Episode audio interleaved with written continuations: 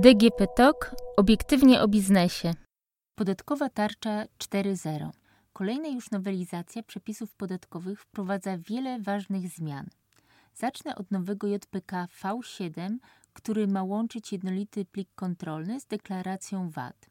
Chodzi o to, że wszyscy przedsiębiorcy będą musieli zastosować nowe przepisy nie od 1 lipca, ale od 1 października 2020 roku.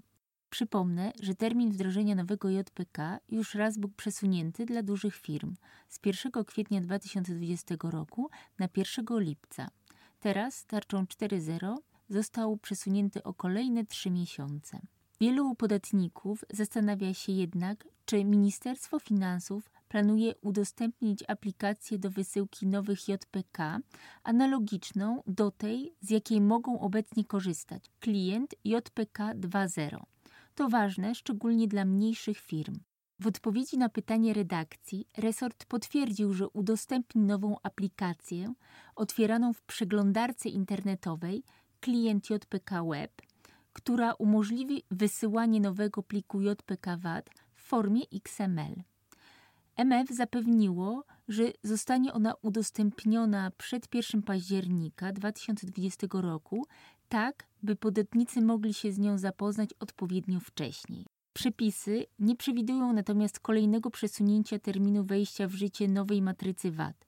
Oznacza to, że zacznie obowiązywać od 1 lipca 2020 roku.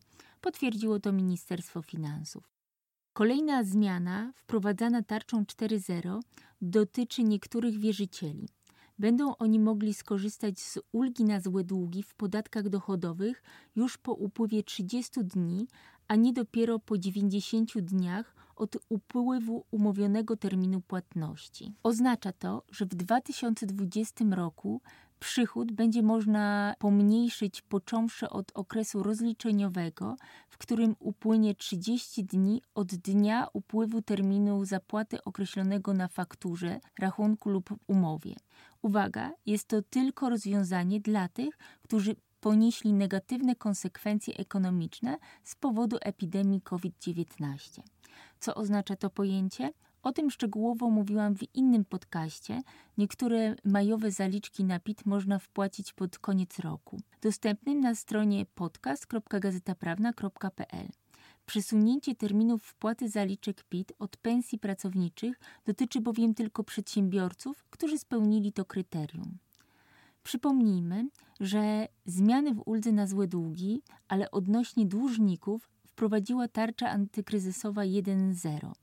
Chodzi o to, że ci, którzy znaleźli się w trudnej sytuacji spowodowanej pandemią COVID-19 w 2020 roku nie muszą zwiększać dochodu do opodatkowania po 90 dniach, jeżeli nie zapłacą za kupione towary bądź usługi. Oba rozwiązania, zarówno dla dłużników, jak i dla wierzycieli, dotyczą tylko podatków dochodowych. W uldze na złe długi VAT nic się nie zmieniło powinno, o co postulował w jednym ze swoich wystąpień do ministra finansów Rzecznik Praw Obywatelskich. Kolejna zmiana to możliwość odliczenia dodatkowych darowizn.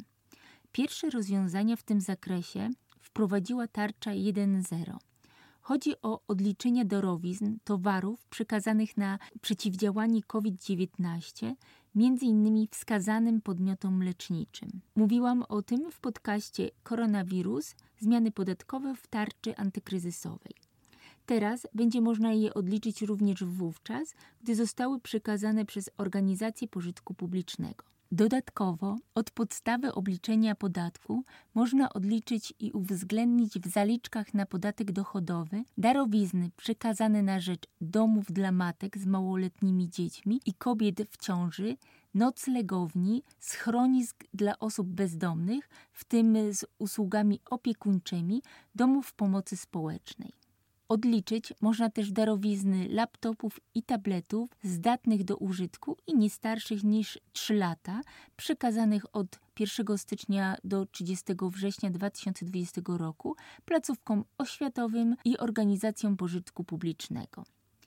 We wszystkich przypadkach wielkość odliczenia wynosi dla darowizn przekazanych do 30 kwietnia 2020 roku 200% wartości darowizny, W maju 2020 roku 150% wartości darowizny, od 1 czerwca do 30 września 2020 roku równowartość przekazanej darowizny.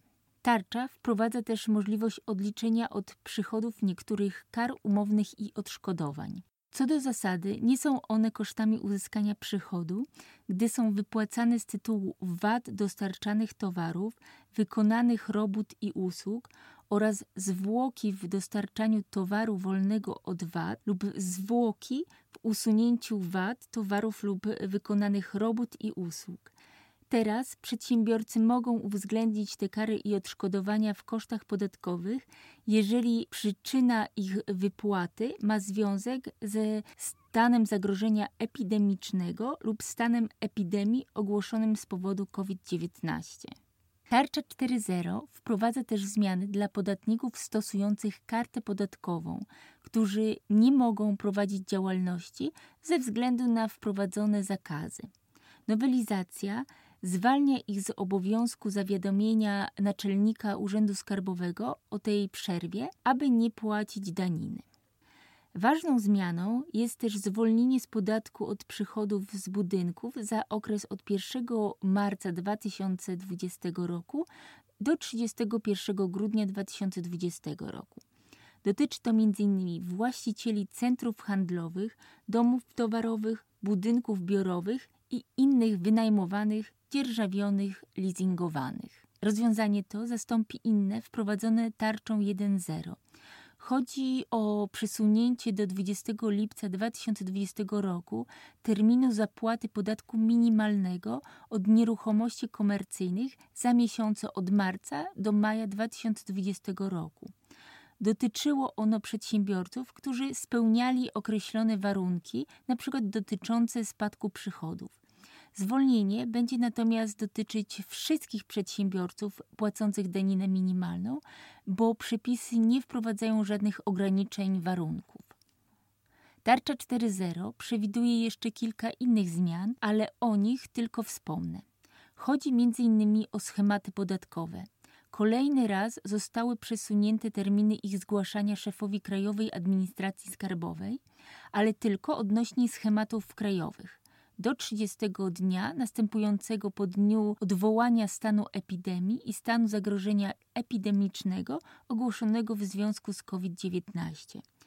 W przypadku schematów transgranicznych utrzymana została data 30 czerwca 2020 roku. Tarcza wprowadza też ułatwienia dla tych, którzy posługują się certyfikatami rezydencji.